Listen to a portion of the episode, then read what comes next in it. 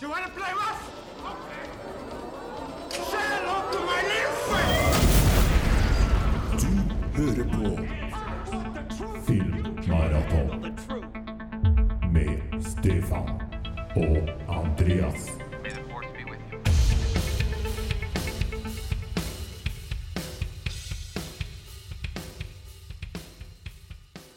Eh, når vi snakka sammen forrige helg, Stefan, så sa du at du vurderte å kjøpe deg en ny TV. Ja, altså det ha- ha- Hadde den lenge da, vet du, den her gamle plasma-TV-en min. Ja. Eh, hva du tenker du skal kjøpe nå? Vet ikke. Eh, litt opp på tomma, men ellers så har ikke jeg noe, noe formening. Eneste Jeg har jo 3D-TV, vet du.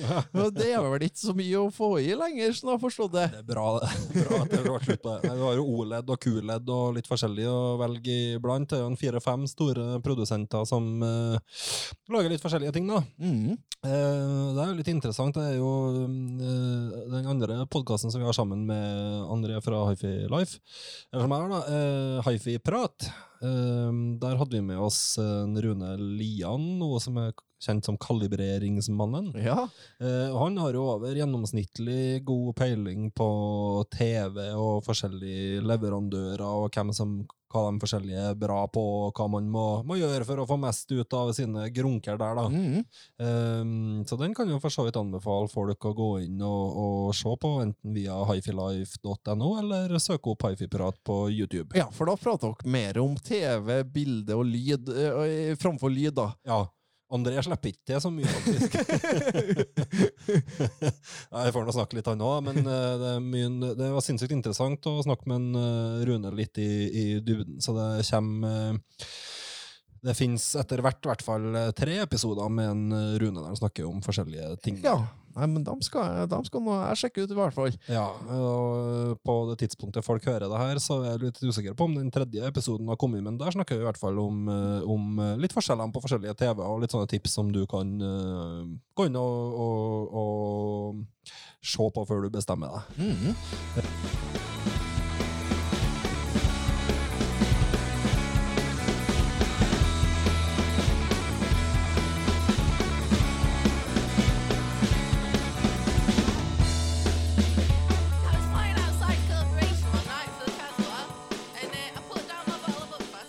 Ja, da er vi tilbake med episode 14 Ja. eh, av uh, Filmmaraton.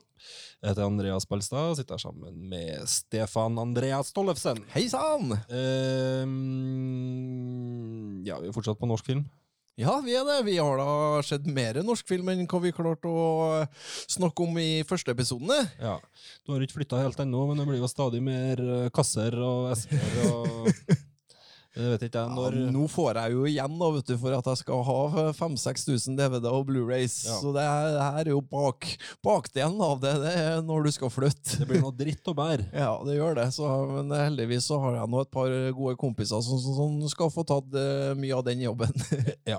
Uh, vi skal nå for så vidt bevege oss ganske fort uh, den gangen her til Norsk Filmmaraton, men vi må ta med oss en sett siden sist, så i dag har vi sett den samme filmen. ja, vi har gjort det! Det her tisa du egentlig veldig sist da med kultfilmspalten. Vi er i View Askew-universet slash Smodco-universet med Jay and Silent Bob-rebooten. Ja, for nå, nå har vel Kevin Smith funnet ut at skal han få, eh, få karrieren sin og bli litt aktuell igjen, så må han vel tilbake, tilbake dit. Eh, den hadde ikke noe karriere Den, had, den had, gikk ikke noe på kino i Norge. Nei, det Den ble- gjorde den ikke. Den ble Smelt ut på digital og fysisk format-release samtidig som den hadde release i USA. Ja, den, eh, den gjorde det, så jeg ble litt overraska sjøl når jeg var på platekompaniet. og Jøss, har, har den kommet ut i nå, ja? I Mm. norsk? Og da var ikke jeg sein om å kjøpe en. Eh, så den kom jo helt på tampen av 2019. eh, Ja, 25 år da, siden eh, Clerks kom. Mm. Så eh, han har jo brukt det en stund eh, på det her universet og de her menneskene en eh, Kevin Smith, og det som vi var litt inne på sist, så, foregår, eh, så dreier det jo på en måte rundt en gjeng med folk i et, kall det et sånn nerdemiljø i New Jersey. Um, Tegneserier, uh, VHS-sjappe. Ja. ja. Eh, hele den der greia, greia der. Uh, med, med Jay and Silent Bob, da, som er de her kalde Det som i utgangspunktet var sånne bare sånne cameo- Ja. cameo-roller, som var med kanskje bare i uh, noen sekund eller minutt. i- Jeg tror ikke det var tenkt at de skulle på en måte bli, gå videre med sin, sine egne filmer. Nei, men de, det gjorde de etter hvert. De brøyt ut fra det her og ble på en måte hovedkarakterene i det her universet, egentlig. Ja. Med Jay, da, som i Jason Muse, eh, som den her uh, rappkjefta Vulgær vul, vulgære dopdealer.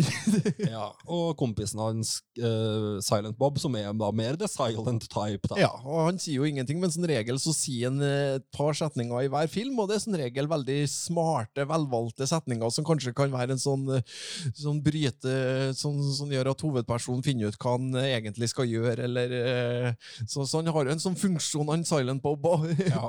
Men han har jo etter hvert begynt å kommunisere mer, da, og i den filmen her så kommuniserer jo en Silent Bob med emo emojis på telefonen. telefon. Eh, Jeg vet ikke hvor godt jeg likte det grepet, men det kan vi nå komme, kom tilbake til. Ja. Eh, på, rundt eh, årtusenskiftet så fikk de jo den her Jay and Silent Bob Strike Back. Ja, Eh, det gjorde de. eh, Og handlinga i den eh, gikk jo på at eh, det skal ordnes en eh, film da, av den tegneserien som ble basert på Jay and Silent Bob i det her universet. Og den tegneserien heter for Bluntman and Chronic. mm. eh, Og, og er jo da tegna av karakteren til en, um, til en Ben Affleck, som, i, som han spiller i Chasing Amy. Mm. Eh, eh, og de vil jo selvsagt få stoppa denne filmen i Jay and Silent Bob. og i, i denne rebooten da, så er det jo at det skal ordnes en reboot av den Bluntman og Chronic-filmen.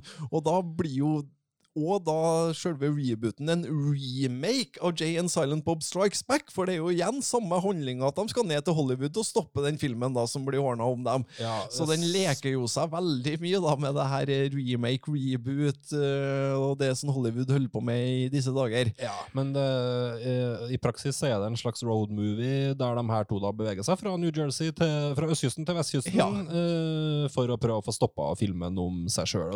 Ellers er jo ikke handlinga så fryktelig interessant.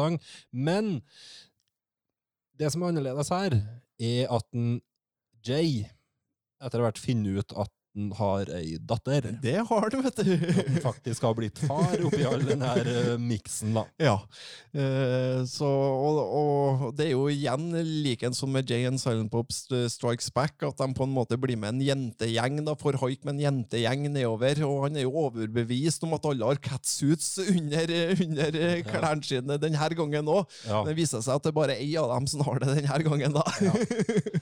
Ehm, og, men i, i praksis så er jo det her eh, Skal hun være skal man være streng med det her, så kan man si at det her er i, i veldig, altså en en og en halv time lang intern vits Ja. slash eh, familiegjenforening, der man, som bare er en slags sånn unnskyldning for å få samla alle sine gamle venner og hente inn tjenester fra kompisene sine i Hollywood. da. Det kan man, man Ja, de, er, de, er jo her, de er jo her Ben Affleck dukker jo opp, eh, Jason Lee dukker jo opp. Joey eh, Lauren Adams, uh, ja, Matt Damon eh, alle, alle, alle dukker opp, egentlig. Ja, James Vanderbeek, ja, Jason Biggs. Jason Biggs, you name them.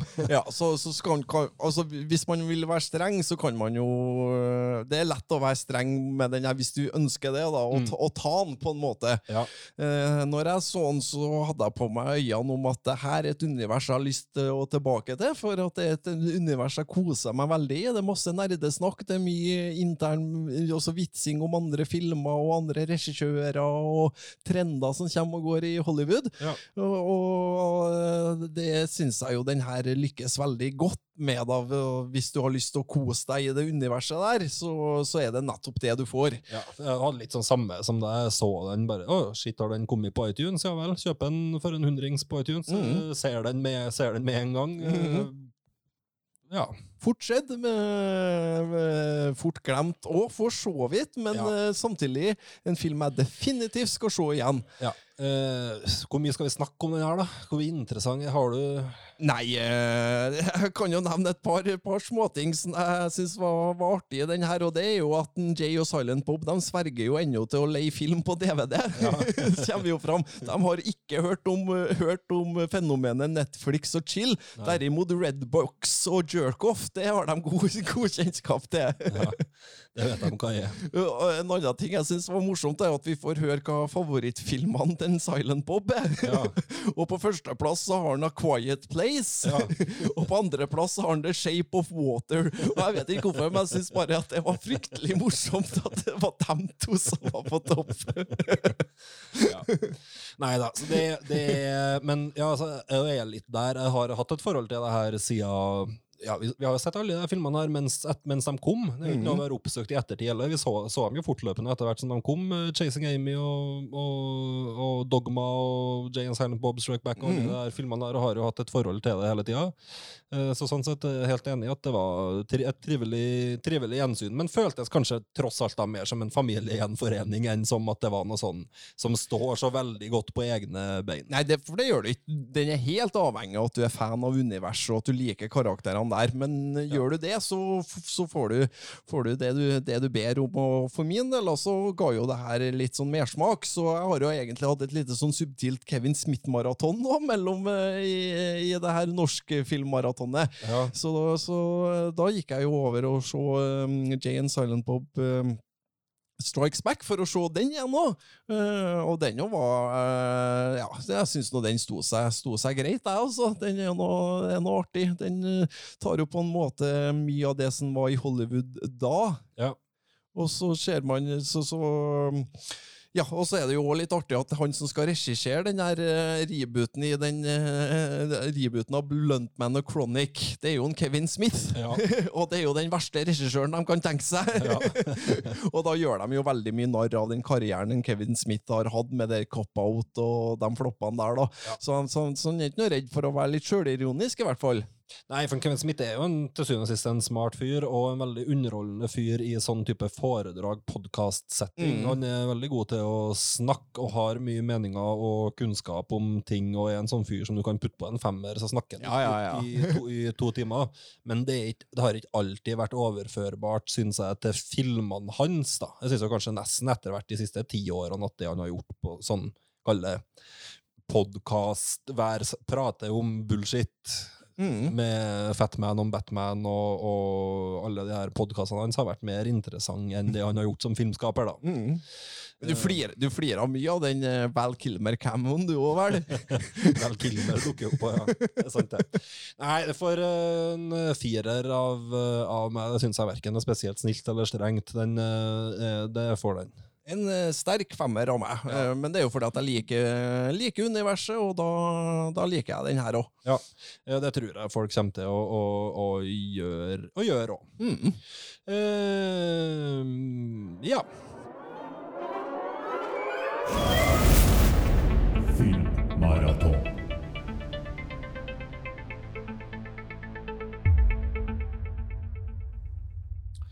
Sist så starta vi jo, Stefan, på det her norsk filmmaratonet, og da kom vi vel fram til at det mange av de her mest etablerte norske regissørene gjør, kanskje for hvert fall fra vårt ståsted, føles litt trygt Ja. og tradisjonelt. Ja. Eh, mye det samme som vi kunne ha forventa og sett for 15 år siden, men kanskje også for 25 år siden. ja. Bare med kanskje hakket hvassere skuespill. Ja, og hakket større budsjett, og Ja. hakket tight, tightere teknisk jevnt over. Men kanskje ikke så mer interessant Nei. innholdsmessig. Men så sa vi vel òg at det var en annen, en annen gruppering der med navn, kanskje navn som ikke er så kjent for hvermannsen sånn sett i, i Norge, men med folk som lager mer spennende ting òg. Ja, det vil jeg si. Og har, og har gjort det egentlig gjennom en 10-15 års periode. da. Mm. Um, det jeg tenkte vi skulle bruke litt tid på nå, det var de her folkene som kanskje er mer i starten av karrieren sin. eh, som har kommet med debutfilmer, eller i hvert fall med gjennombruddsfilmer nå i 2017, 18, 19. Eh, hva du tenker om, tenker om det? Skal vi ta en, en runde på det? Ja, eh, det har nå vært mye bra. Og så har vi ett skikkelig råttent egg i kurga her òg. Ja. skal vi nå komme tilbake til. Ja. vi sparer den. Eh, men eh, jeg tenkte vi kan begynne å snakke med en eh, film som er veldig god. Ja.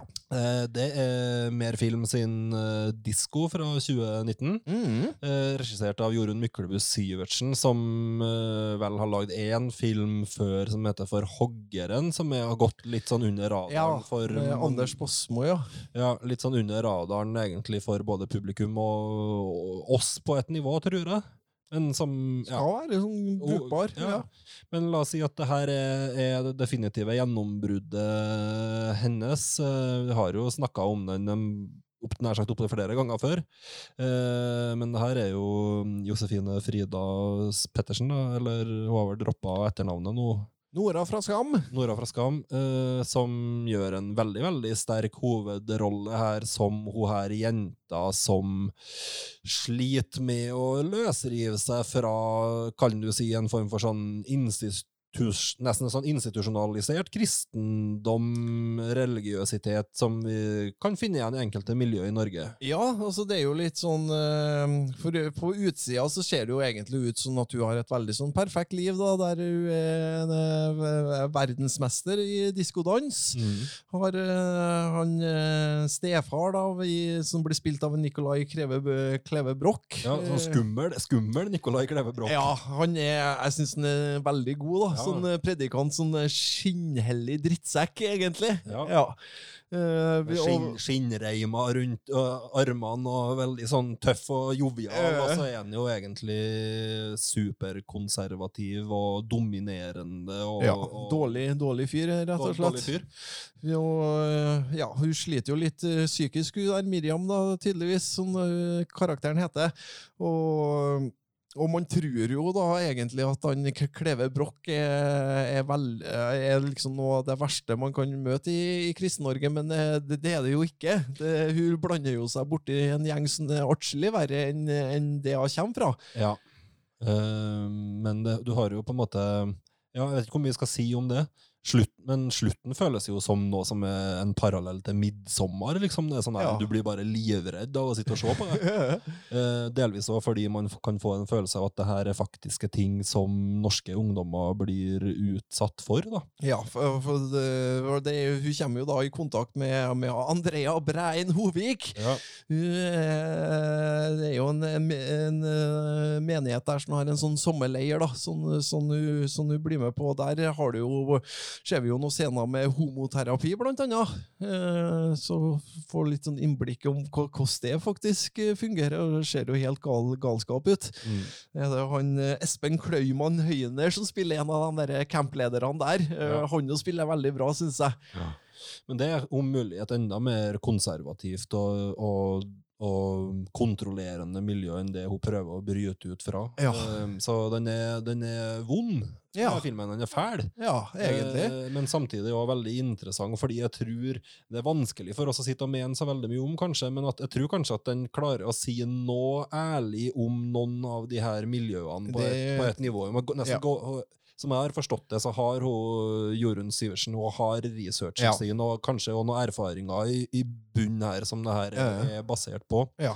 Hun rører jo også innom det her Visjon Norge, Ja, den, delen av kristendommen. Vi ser egentlig tre forskjellige sånne miljø. Vi ser både det her Visjon Norge, pinsevenn, TV-predikant-greia. Vi ser den her, kall det mer sånn uh, rock'n'roll Roll, og eh, lysshow, men egentlig fortsatt ganske konservativt. Og så ser vi det her som miljøet som på utsida for så vidt ser ganske sånn uh, sympatisk ut, Ja. men som rett og slett bare er, er er, er fullstendig fullstendig sprøtt. Uh, der, der vi har nærmest sagt noen sånn marerittaktige sekvenser altså Ja. i siste del av, av filmen. Samtidig som den tar opp sånne her eh, tunge temaer, sånn, så er filmen veldig underholdende og lett å se på. Det er den. Den er tight og holder et mye høyere tempo enn en del av de filmene vi kritiserte litt i forrige episode.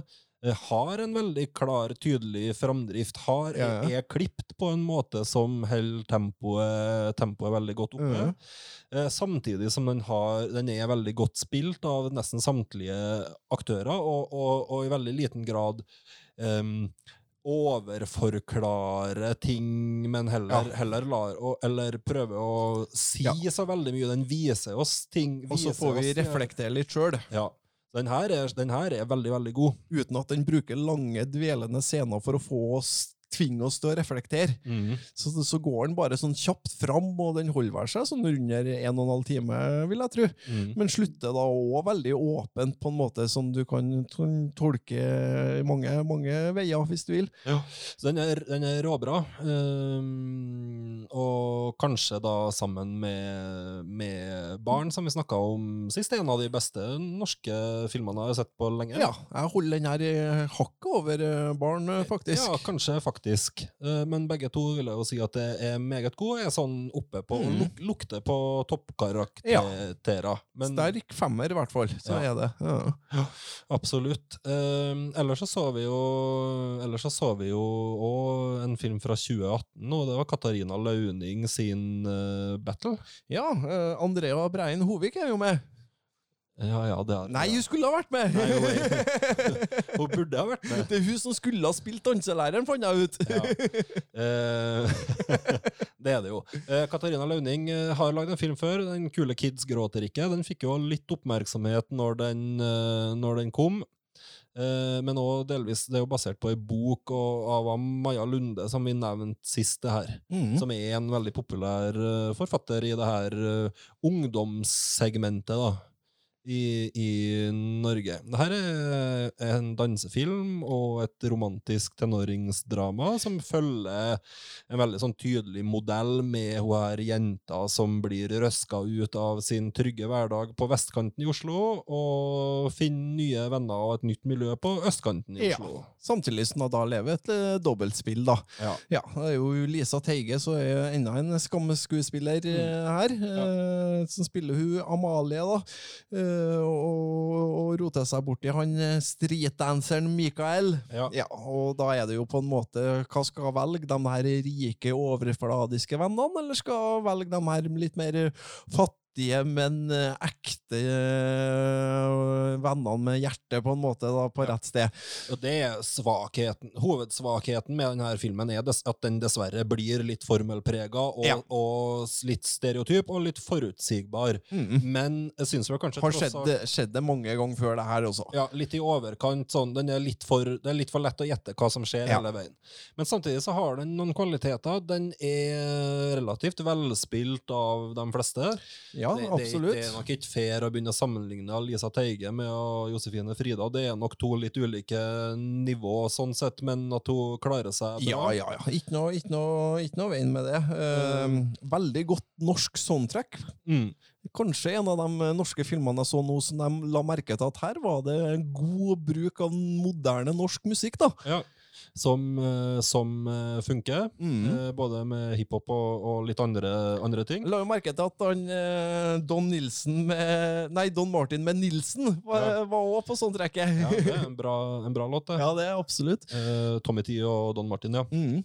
Eh, eh, var dukka opp der på, på slutten. Uh, nei, den, er, den har en sjarm, den, har, eh, den er relativt underholdende. Den Kanskje er, laga for målgruppa litt under oss, den her. Mm. Uh, så vi er nok kanskje litt for gammel til den, eh, men eh, eh, Nei, et godt, eh, godt tenåringsdrama. Ja, helt, helt kurant. En, en eller annen sted mellom tre og fire. Ja. Eh, Ja, den, den tipper opp på fireren, det gjør den for min del, men uh, fordi at ja, den, det, det, er jo mest det at den har skjedd det før, som på en måte trekker mest. At den blir veldig Den gjør ikke noen sånn spennende grep, da, men samtidig innenfor den formelen så gjør den den jo godt. Vanske, ja, det kan jeg for så vidt være, være enig, med deg, enig med deg i.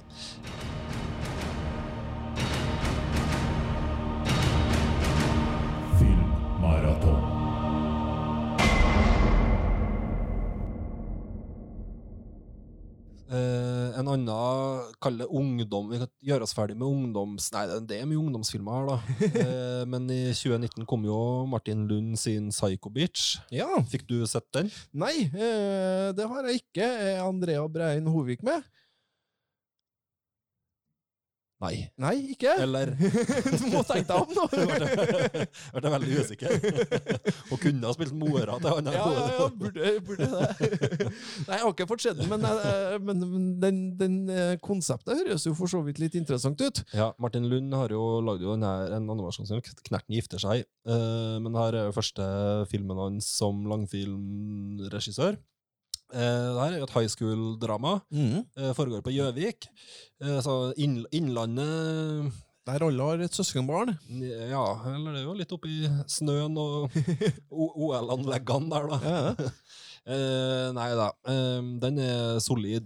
Det handler om ei jente som eh, eh, sliter med diverse ting, psykisk spesielt, og har tatt en rolle i klasserommet der hun kanskje velger sjøl i noen grad å være en outsider, da, samtidig som hun sliter litt med å connecte noe sånn særlig med de andre ungdommene der. da. Uh, og han, han som er hovedperson, han er jo mer en veldig sånn sympatisk, uh, likende eh, fyr. Ser det gode i, i alle, på en måte. Samtidig mm. som han òg er en tenåring da, som prøver å passe inn sammen med de eh, andre tenåringene og de mer kule, kule folkene. da. Så de her to får en relasjon, de eh, blir etter hvert eh, godt kjent med hverandre, og så handler det jo litt kanskje om den her dragkampen mellom, for hans del, mellom kall det litt mer trygge, etablerte, tradisjonelle, og hun som er åpenbart eh, han connecter mye mer med på et reelt nivå, da. ja. Eh, så denne er godt, er godt spilt. Den er nok òg en liten smule forutsigbar på en del ting, men samtidig så er den her såpass uh, solid og god både i skuespill og i de formgrepene den gjør, og at jeg syns den er over Kanskje så eh, klarer jeg å være over gjennomsnittlig god som et Ja. sånn high school-drama, da. Mm. Uh, Hvem som uh, spiller inn, da? det er stort sett ukjente, Ja. navn. Det er ung, ungdommer. Jo, men det er jo noen voksen Ingen av eh, Nei, det er jo noen du har sett trynet på, Ja. trynet på før, men den er ikke først og fremst uh, noen av de her etablerte Nei. norske skuespillerne som er i hvert fall er viktig, viktig i den. mm. Men den kan man godt, eh, kan man godt se. Veldig lovende debut fra Martin, Martin Lund, da. Ja. Um, så kan vi ta med oss en til sånn her eh, i det landskapet I det landskapet her, da, med annet tidligere Skam-skuespillere og Andrea Breien Håvig. det er Henrik Martin Dalsbakken sin En affære fra 2018. Ja, Og det er noe så sjeldent som en norsk erotisk thriller. Ja, altså, erotiske thrillere. Vi snakker jo for så vidt en del om det, Andreas, men det er jo i de her eh, videospaltene våre. Der dukker det jo alltid opp. På 90-tallet var det jo stappfullt. Da var det jo bestandig en erotisk thriller. Det var det. Men jeg kan ikke huske at det her er gjort i Norge før. Nei, ikke, jeg heller. Så her er det en, eh, en ordentlig norsk erotisk thriller, og så ser du jo på coveret og lettkledd og ulovlig kjærlighet og det ene om det andre. Mm. Eh, Så um, ja, det er jo han Tarjei Sandvik Moe, da, som, eh, som vi kjenner som Isak fra Skam, da, som spiller han her eh, eh, kjekkas av en, av en unge videregående elev som heter Markus. Mm. Og han begynner jo å sjekke opp av den nyansatte læreren Anita, som da blir, blir spilt av vår kjære Andrea Brein Hovig. Ja, Hun er jo åpenbart ganske fucka, for å si det rett ut. Hun sliter med veldig mange ting med seg sjøl og med, med ja, Ja. forholdet til sin mann og hvem hun egentlig er, og Ja. en, en del sånne type ting. For hun var jo toppturner i sin, sin ungdom og sånn, har vært. Ja. Så hun roter seg jo inn i et eh, forhold her som hun selvfølgelig aldri skulle ha, ha gjort, da, og blir jo gradvis og mer og mer uh, sklir Ja, Ja, det sklir jo, det sklir jo over besatt. i eh, erotisk thriller-landskapet. For det jeg var litt usikker på når jeg satte den på, er det her en film som på en måte viser et litt sånn ulovlig kjærlighetsforhold, og de følgene det får for hun og han, på en måte. Og det kan virke ut sånn at For den toucher jo litt innom de her, her punktene, og det kan virke litt ut som at det er den veien filmen skal gå, men så gjør den ikke. Den, den tar faktisk en sånn god gammel erotisk thrillervending og blir mer farlig begjær og kaninkoker-segmentet der, da. Prøver ikke på noen måte å på en måte for, egentlig prøver ikke å forklare eller forsvare det Nei. hun gjør på noen sånn rasjonell måte. Hun er, hun er en person her som det har tippa over, Ja. over for, og som For hun blir jo rett og slett besatt av han, han Markus. Han syns jo bare det er artig å, å ligge med ei eh, eldre dame. Ja. Og han tar noe, altså bryr seg ikke noe verken mer eller mindre av det, men hun blir jo ganske som besatt. Ikke sant? Blir sur når hun ikke får svar med en gang på SMS-ene, og begynner å oppsøke han, og begynner jo etter hvert å fabrikkere løgner da, for å holde han- han nær seg. Manipulere og står på. Eh, i, det, I det hele tatt. Den er, den er jo den er jo for så vidt velspilt, men jeg sliter vel litt med å si at jeg syns den er veldig god. Ja, den er den er, jeg jeg kunne ha tenkt meg at når den først gikk i kaninkokelandskapet, da, så den eh, kunne ha dratt på mer og vært enda saftigere og dratt det enda lenger. For jeg føler jo at den, den prøver jo litt å holde litt realistisk oppi, oppi det hele òg. Kanskje gjør at den på et nivå verken blir helt fugl eller fisk. Ja. Så her tror, jeg, her tror jeg triller treeren, men, eh, men eh, for all del, eh, erotisk, norsk erotisk thriller, eh, why, why not? Ja, mm. Nei, så det, det er som du var inne på i forhold til fugl. Kanskje skulle ha bestemt seg, skulle han heller vært en mer sånn. For det er jo en ting som kan skje i det virkelige liv, selvfølgelig. Men at det blir dratt så langt sånn til farlig begjær-landskapet, det tror ikke jeg. Så, så den kunne egentlig ha bestemt seg for hva den, hva den skulle ha vært. Ja. Vi hører jo av og til om sånne ting, eh, sånne ting selvfølgelig. Eh, gjør, jo, gjør jo det. Uh, håper jo og tror at det er et lite problem i norsk skole, da. Ja da. Um, ja Så, nei, så den er sånn middels. Hadde du et terningkast på den du Ja da, du, du, Når du tar en treer, og er egentlig enig, da blir jo det en firer til meg. Ja. greit, eh, greit nok. Ja. Ehm,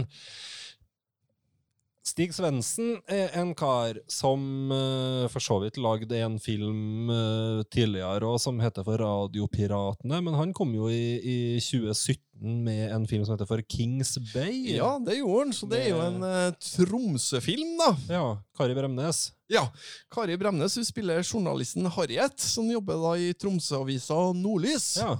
Og får jo da tilsendt noe sånn eh, bånd eh, som viser at, eh, at den norske regjeringa visste om Kings Bay-ulykka, som var ei ulykke på, på, i 1962 hvor 21 gruvearbeidere mista livet. Så det er jo en faktisk, faktisk hendelse. Mm. Og så spinner de og ordner litt konspirasjoner rundt det, da.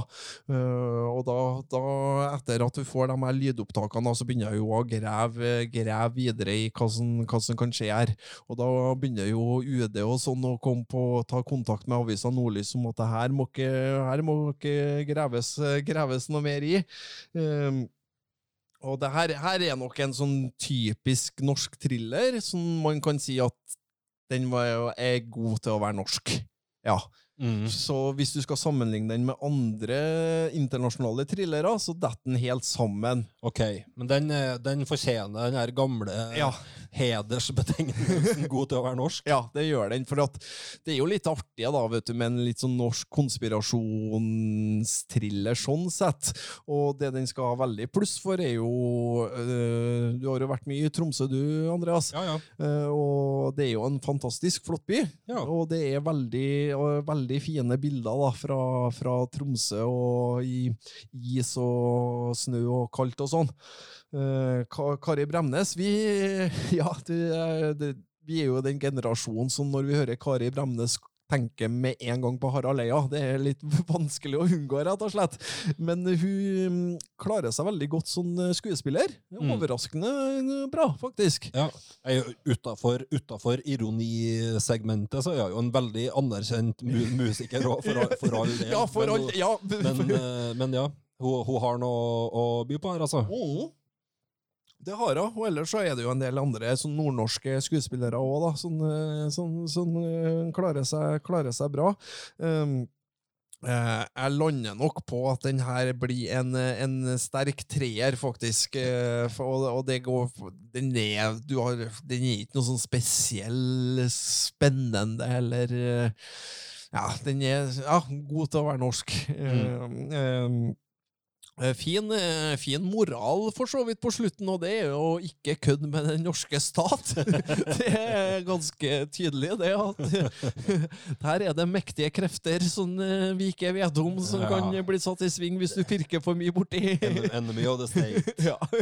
Eh, er den, har den noe som helst tilknytning til reell Altså er, er- Nei, eller er det en sånn, konspira, sånn her- en konspirasjonstriller eh, med litt sånn kalde krigen-vibe? Ja, ja. Fordi at eh, jeg, sjøl har iallfall ikke hørt om at det knytter seg konspirasjonsteorier rundt den Kings Bay-ulykka. Sånn i utgangspunktet, så jeg tror at det her er bare noe filmmakerne har funnet opp sjøl, og så at de det ikke, ikke spinner på noe sånn som det kanskje kan være noe i. Men det er staten som er fienden. Eh, Så absolutt, og det, det slutter jo eh, Så den trakk seg veldig opp på slutten, for der er det bare bam, bam, sånn skjer hvis du kødder med staten. Så det Eh, ja, men ikke det helt store. Nei, uh, Det her- men, men grei nok. Jeg har ikke fått sett den der, nei, men jeg tror ikke jeg fikk sånn rålyst til å se den nå. Nei, det må, Sånn- det, for din del må det kanskje være for å se litt Tromsø på film, egentlig. Ja, Ja. min, Uh, min mors fødeby. Ja. Eh, ja, vi har spart en luring her, da. Eh, den kom jo for så vidt òg i, i fjor, og vi har jo snakka og nevnt den tidligere. Vært litt inne på den, at den har gått på, gått på kino. Var ikke det en av dem, eh, når vi starta opp med filmmaraton, da, så var vel det en av de første filmene som var ny på kino, da? Det tror jeg nok kan stemme, ja, i fjor, i fjor høst. Det er, Mhm. det, det er swingers, vi sier da bare det. Det er en eh, så klassisk sånn buskis, altså sexkomedie. Ja. Eh, Andrejs Ekis eh, har regi, og det er derfor vi har tatt den med her blant debutantene. Man har jo med seg her samarbeidet med han Stig Frode Henriksen, som er en fyr vi for så vidt har sett trynet på en del tidligere, da. Som, Mhm. ja, inn mot det her Kill Buljo og ja, Tommy Wirkola-landskapet. Med sånn mer og mindre kritikerutskjelte filmer, men som for så vidt har gjort det relativt bra Ja. blant publikum opp igjennom, da. Ja, så derfor, når den her Swingers fikk slakt når den kom på kino, så var ikke det noe jeg beit meg noe særlig merke i det. Ja, den her er ikke en film som er ordna for å få gode kritikker heller. Den kan være, allikevel være artig, artig i mine øyne. Ja, og for så vidt på papiret, og et cast som ser sånn helt ok ut. Ja. Eh, Morten Ramm, Zaid Ali, Ja. Evy Kassett Røsten. Et eh, konsept som kan ordnes mye moro ut fra. Ja, sånn helt Men samtidig så merka jo vi jo ganske fort at viben rundt den her var at det her er noe skit. Det er noe skitt. Og uh, ja, Eh, jeg kan ikke hva slags, hva slags briller gikk du inn i den her uh, med? med mine som vante positive briller, det da. Det, Ja. det er jo det. Og etter de fem første minuttene så var jeg positiv òg. Starta jo med noen fine bilder ikke sant, fra Solsiden og bryggerekkene i Trondheim. Og, så, Litt på en lite måte ting høy, man høyblokkene, høyblokkene på Tempe var litt, litt for lite med. Ja, det, det er for lite med, men, og, Men det er jo vår, vår by som Ja. vi er så glad, glad i. Ja, og det er jo litt for sjelden at vi ser Trondheim på film, rett og slett. Det, det, skulle det ha vært mer av. Mm. Så, men iallfall starta positivt, og gode skuespillere. Evy kastet Røsten har jeg sansen for. Zaid Ali funker, funker jo greit i Skal gjøre han. Og så må jeg bare få si det med en gang, at det her er faktisk en av de verste filmene jeg har sett på ja, nesten på mange år. Også. Eh, Og vi har jo tulla litt tidligere med Andreas at eh, terningkastet mitt går ikke noe lavere enn til terningkast tre. Og da har vi jo argument med for, for at er det noe mye lavere enn det, så begynner vi å snakke på kultfilm at det begynner å bli så dårlig at det er bra lell. Ja. Men den her, eh, her er ingenting, altså. Det, her, er- det skal være en komedie. Jeg tror jeg humra stille med meg sjøl én gang. Mm. Enn du? Hadde du noe latterutbrudd på swingers? Nei, jeg har ikke det, men jeg tenker jo Hvis jeg skal prøve å ta det litt eh, Jeg syns jo den er dårlig skrevet. Ja. Eh, men den er skrevet på en sånn Stig, Henri, eh, Stig Frode Henriksen har jo noe form for komisk timing. Han er jo, Eh, Vanligvis så liker jeg jo han veldig godt. Syns jo, jeg syns jo ikke han nødvendigvis er verst her, sjøl om jeg syns at fordi, fordi replikkene så tydelig er skrevet for han. Men, det er jo på en men- måte, når, når åpningsscenen er sånn 'Hallo, Trondheim, jeg skal knulle deg i ræva', og, Ja. og du ser at filmen bare venter på at nå kommer publikum til å bryte ut i latter for at, det, at, en, at den sier 'Trondheim, ta meg i ræva', Ja, og så er det er det, det som er humoren, altså. det, det var joken. Ja. Eh, men eh, du ser jo at det manuset, det manuset, når han framfører det, så kan du se noe av timinga. Altså, timinga i manuset følger litt timinga hans, så men, men så kan du prøve å flytte det samme manuset over i Evy Kasset Røsten sin munn. da. Ja. Eh, jeg tror ikke det er hennes feil at det der blir Nei, så dårlig det som det det, ikke. blir. Men, men, men alt hun sier eh, Hun snubler i alle replikkene sine. Mm. Uh, ingen av dem føles i nærheten av å flyte i hennes uh, i måten hun leverer dem på. Litt, litt det samme med han her fyren som spiller en slags sånn her parodi på Tore Reginiussen, eller som er en sånn Ros Ja. Rosenborg-spiller. Det er kanskje det verste i filmen, den karakteren der. Det sideplottet med han der Det er, vet du, det er så flaut. Ja, det er så dårlig, det. Og han spiller, han spiller, han skuespilleren han spiller på et nivå som er dårligere enn en russerevy også. Det er helt fantastisk platt spill. Ja. Og så er det, ja, hvis jeg skal ta en liten pluss, så er det hun den kvinnelige skuespilleren der er jo ikke så verst. Nei, men du har jo ikke noe å spille på. Nei. Hun, hun skal jo bare sitte og være deilig i en sånn uh, Ja, sånn undertøye. Fem, fem fatal-aktig Og, og må, måten det hele Nei, vet du. Og så er jo Morten Ramm med, og han er jo vanligvis bra. Og han er faktisk forholdsvis bra i den filmen her òg. Det eneste er at han er med i fem minutter. Ja. Han spiller da den homofile eh, RBK-treneren Inge Briksen, og der har du den ene gangen jeg humra litt. Det var at treneren het Inge Briksen. Ja. Men det er jo ikke noe annet joke der heller enn at de, at de, er kjæres, de to er kjærester. Ja, Filmen det, det, det, det. Og, og, det er en, det er en, det er en homovits, liksom. Hei, ho, Ja. ho, ho. Ho-ho. Ja.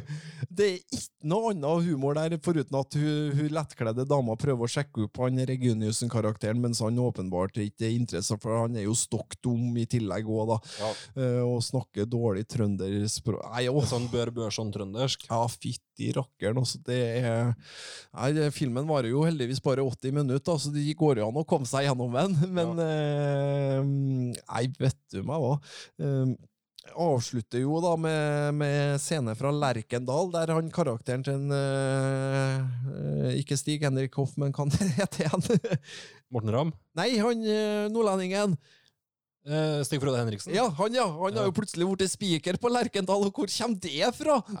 Var jo, for det er jo en annen ting, det, man får jo inntrykk av at det blir litt sånn miksa, og at det er litt sånn komplikasjonene parene imellom der.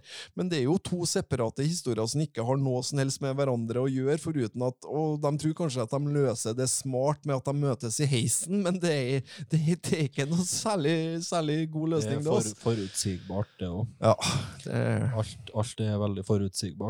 I tillegg òg. Oh. Jeg, jeg syns ikke, den er- synes ikke den er helt krise. Det her tror jeg faktisk er en skitfilm som du syns er enda verre enn jeg syns. Ja, jeg ble fornærma nesten. at uh, hvem, Hva har de tenkt på? Det, har de ikke hatt noen prøvevisninger? Har de ikke hørt med folk? Er det her egentlig morsomt? Jeg, vet ikke. jeg syns den var dårlig, men jeg syns kanskje fortsatt at den forsvarer en terningkast to. da. Ja, jeg er for første og kanskje siste gang i Filmmaratons historie på terningkast én, og da er det ikke noe kultplusser eller noe som helst å hente der. Det er bare drit. Så, så, så, men, men det samtidig er greit å ha et nytt sånn referansepunkt, da. Ja. Hvis jeg på en måte er inne på en sånn dårlig film, da vet jeg at terningkast ene, der, har vi, der har vi swingers, faktisk. Så en annen ting er sånn, sånn jeg må ta opp som gjør det ekstra litt provoserende, det her. Og det er jo at eh, det, eh, den eh, flotte filmen Disko, som vi snakka om i sted, og swingers, de kommer jo ut på det fysiske markedet på samme dag. Mm. Og da var jeg jo på platekompaniet og fikk i dem, eh, for at vi visste jo at vi skulle ha norsk filmmaraton, og da, da var det greit å få i dem. Og Disko, da har distributøren vurdert at den er ikke stor nok da, til å bli gitt ut på Blu-ray engang, så den er bare henvist til en litt sånn eh, dårlig, dårlig DVD-utgivelse fra Star Media Entertainment. Swingers, derimot, den har de eh, trykt opp i tydeligvis store kvantum på Blu-ray, da, ikke bare det. Den er ordna òg for det nordiske mar markedet her, så vi har jo, har jo språk både på svensk, dansk og, og finsk her, og som danskene skryter av, da. Swingers er feel good komedie med Norges sjaveste cast! Ja. Nei, det er det jaggu ikke, altså!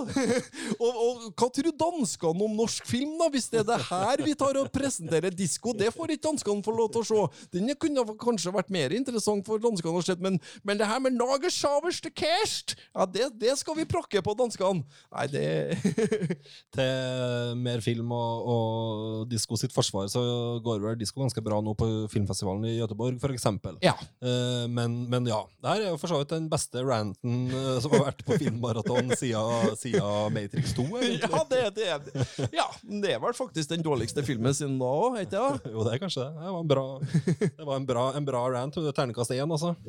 Ja vel, det er brutalt. Ja, men den er brutal dårlig òg. Ja, ja, nei, jeg syns det går an å se den.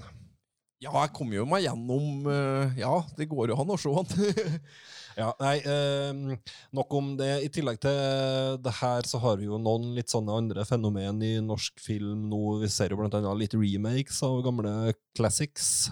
Ja. Norsk, norske byggeklosser. eh, Ja, ja. eh, Den, den er jo for så vidt ganske artig, sjøl om den ikke når, eh, når oppfølgeren, nei, den, eller den originale. mm. Um, uh, hva du synes om den originale norske byggeklosser? Du Er den på Olsemann-nivå, eller? Ja, det er jo litt i samme gata Ja, der. Og, Som Fleksnes og det, det sånn, Vi har jo noen titler opp igjennom som er på en måte litt norsk, sånn norsk komedie fra 50- og 60-tallet er ikke så verst. Nei. Det bruker absolutt eh, mye brukbart der, da. Ja, og skal han jo gå, gå tilbake på en måte, og i norsk film, filmhistorie så, så er det mye det er godt de her folkekomediene som er på en måte er dem som faktisk kan stå seg i dag, som i, kanskje i sin tid fikk veldig til slakt av kritikerne, da. Mm. Men sånn er faktisk de få filmene som, som lever igjen i dag. Ja, de ble bedømt på feil premiss. Ja. Uh, tror jeg vi Ja, helt det, riktig. Litt tilbake til det vi snakka om når vi hadde her Olsenbanden-episoden vår for eh, et års tid siden. Mm. Eh, men du har jo den Fjols i fjells, selvfølgelig. Ja, det får vi nå se. Det var 14 dager til den kom, sånn cirka. Ja, kommer, rundt, eh, kommer tredje helga i, i februar. Gjør den. Ja. Eh, så den er sikkert òg verdt å, å få med seg. Og så hadde vi jo De dødes tjern. Den ble jo nyinnspilt her nå. Eh, der hadde jeg jo en spådom at den, eh, før den kom, da, om at den kom til å bli slakta av kritikerne, men gå sånn noenlunde greit på kino, og så få en terningkast fire når den kommer på Blu-ray. Og vi har jo lyktes med at uh, har fått rett da, i at den gikk greit på kino, og ble slakta av, av Du sendte meg, du sendte meg noen tekstmeldinger og jeg husker jeg noen snaps når den, den her spådommen her begynte å, å, falle i Ja, Så da, da gjenstår det nå bare hva jeg sjøl triller når den kommer på Blu-ray, men jeg, det er rart om den ikke er en firer. Ja, vi får, nå, vi får se. Um, ja, hva, trenden, vi har snakka om det her før, har vi ikke? Ja, det er nå en trend som går Ja, det har vært smitta over. Man ser jo litt eh, hva som funker i Hollywood og det er nå klart at kjente navn, altså ting som man har i bevisstheten sin fra før, da, det har lettere for å tjene penger, og da har jo folk eh, De døde tjern og Fjols til fjells og sånn, det er ting som på en måte er i bevisstheten, sjøl om du kanskje ikke har noe forhold til de opprinnelige filmene heller, så er det sånn Fjols til fjells er et allment norsk uttrykk. uttrykk. Det vil alltid, det vil alltid være litt, litt billig, men kanskje kommersielt fornuft, Ja, på en Ja. måte. godt sagt. Uh, Er det noen noe norske filmer du kunnet tenkt deg noen remake av? En ny Pelle og Proffen, for eksempel, at de har sittet i gang. At de gjør litt sånn med Pelle og Proffen, som de har gjort, skal gjøre med, med Jönssonligaen i Sverige. Ja, det blir sånn actionfilmer med Pelle. ja, man har heller tatt eh, Ja, skrevet dem opp, oppdatert dem til 2020, på en måte. Ja. Eh, nei, er det på tide med en, uh, en remake av Frida med hjertet i hånden, da, kanskje? Ja, kanskje det! den, at den kan komme, eller mer en sånn litt mer actionfylt variant av Sekondløytnanten, da? Ja. Eller, jeg vet, nei, jeg vet ikke. Nei, eh, en, jeg, jeg ønsker meg en remake av Aldri mer 14. Ja. Du, du har sansen for, sansen for den. Hva heter filmen til Primavera? Og øh, eh, Olav den hellige, ja. Det, ja. ja. Olavs menn, eller Jakten på Olav den hellige, eller hva den heter for noe. Den Ja. er jo ikke gitt ut verken på DVD eller Blu-ray eller noe som helst. En remake av den, da. det hadde ikke vært så dumt, det. Ring en Aksel Hennie og hør hva han holder på med. Ja, Det gikk jo snakk om at det skulle komme en uh, remake av Olsmannen, da, men uh, ja, heldigvis kanskje at de eh, planene ble lagt døde. Det var i tilfelle bli en form for sånn animasjonsgreier. Som Ja. vi snakka litt om for så vidt også da når vi hadde Vi har en, vi har en hel episode om Olsemannen. Uh, Ja, ja, og og det, for det er, jo, det er jo kremen av norsk film. Gå inn og hør på den, folkens. Den, den er bra.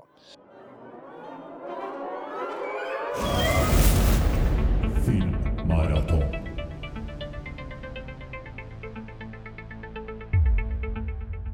Ehm, litt som animasjon har jo, er jo ei greie, selvfølgelig. Nå hadde vi jo den her Elleville Elfrid som kom her i januar. Og så, Ja. Det kommer jo hele tida. Norsk animasjon. Kvisten driver jo Ja. på Vi kan jo starte med en av eh, de største filmene i norsk filmhistorie, sånn eh, både nasjonalt og internasjonalt. Det er jo Flåklypa Grand Prix. Ja.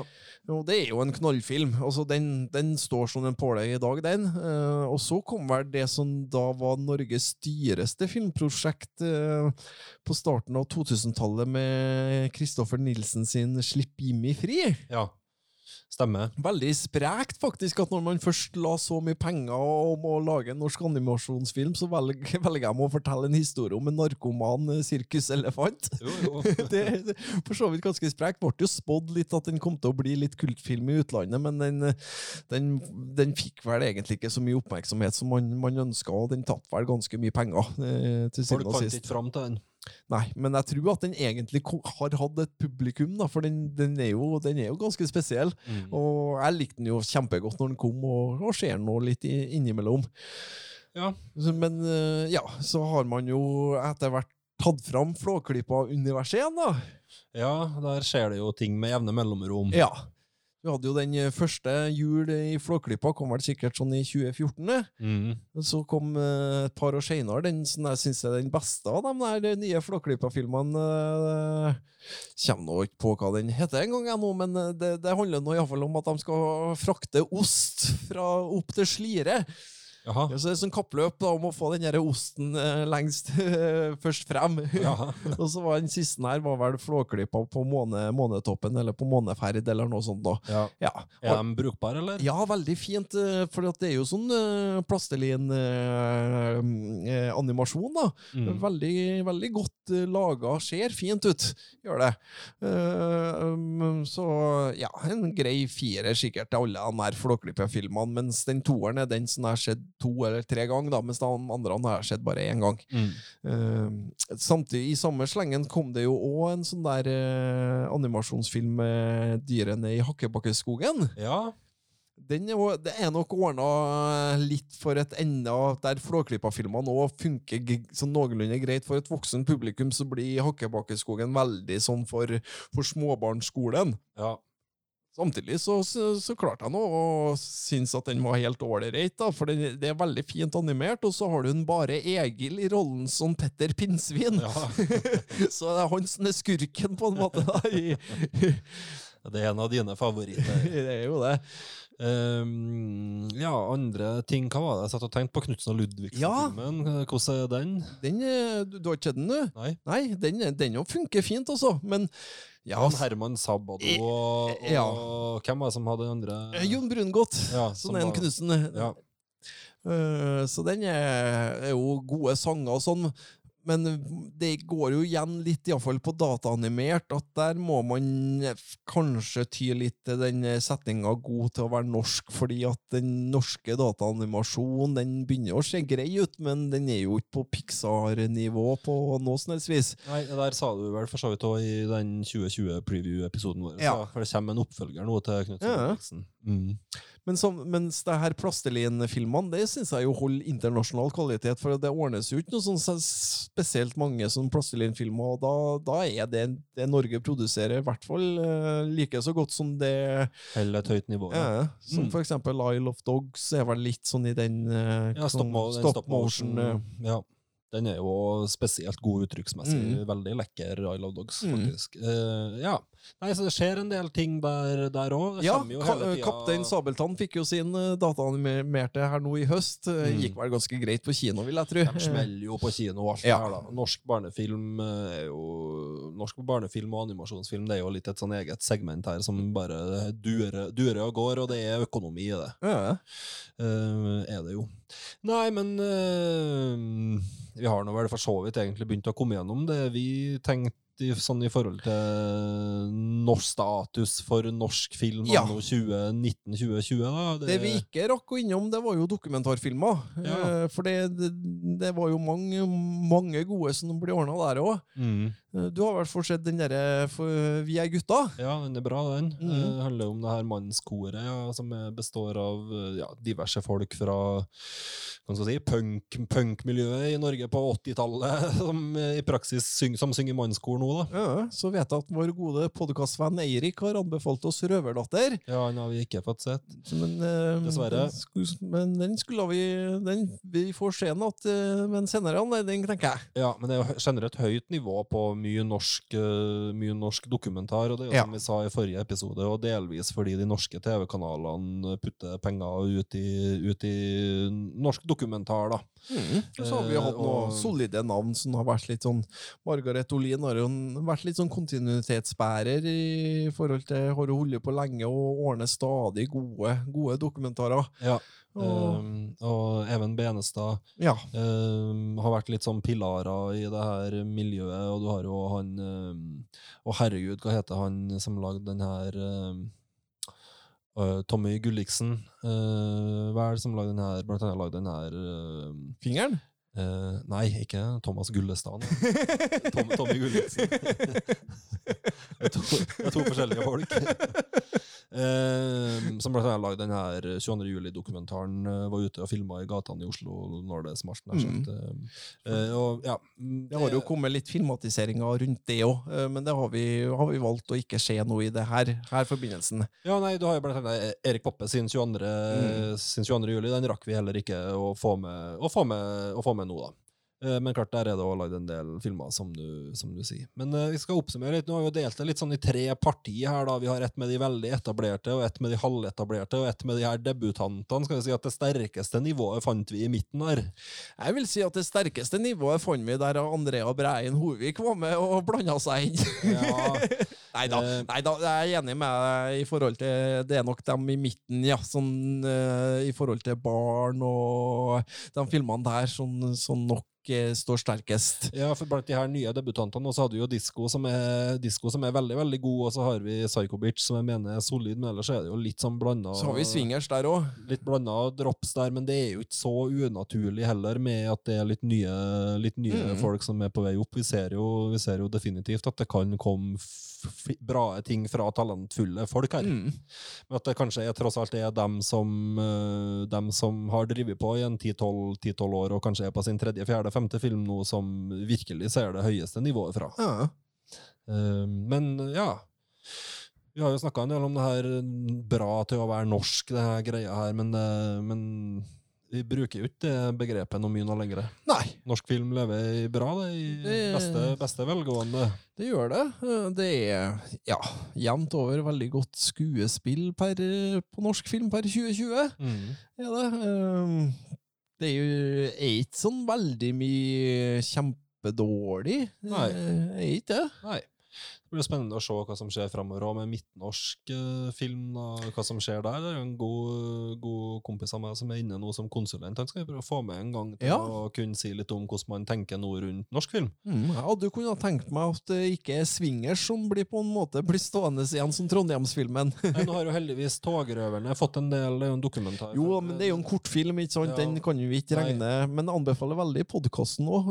Togrøver. Jeg har hørt den i- denne uka her, så det er jo kjempespennende materiale. Ja, Martin, Martin Walter og, og co. min tidligere Jobba tidligere innenfor samme bransje som jeg, da, blant i media- og kommunikasjonslærerne i Trøndelag. Mm. Eh, Gjør det bra nå med, med, med den.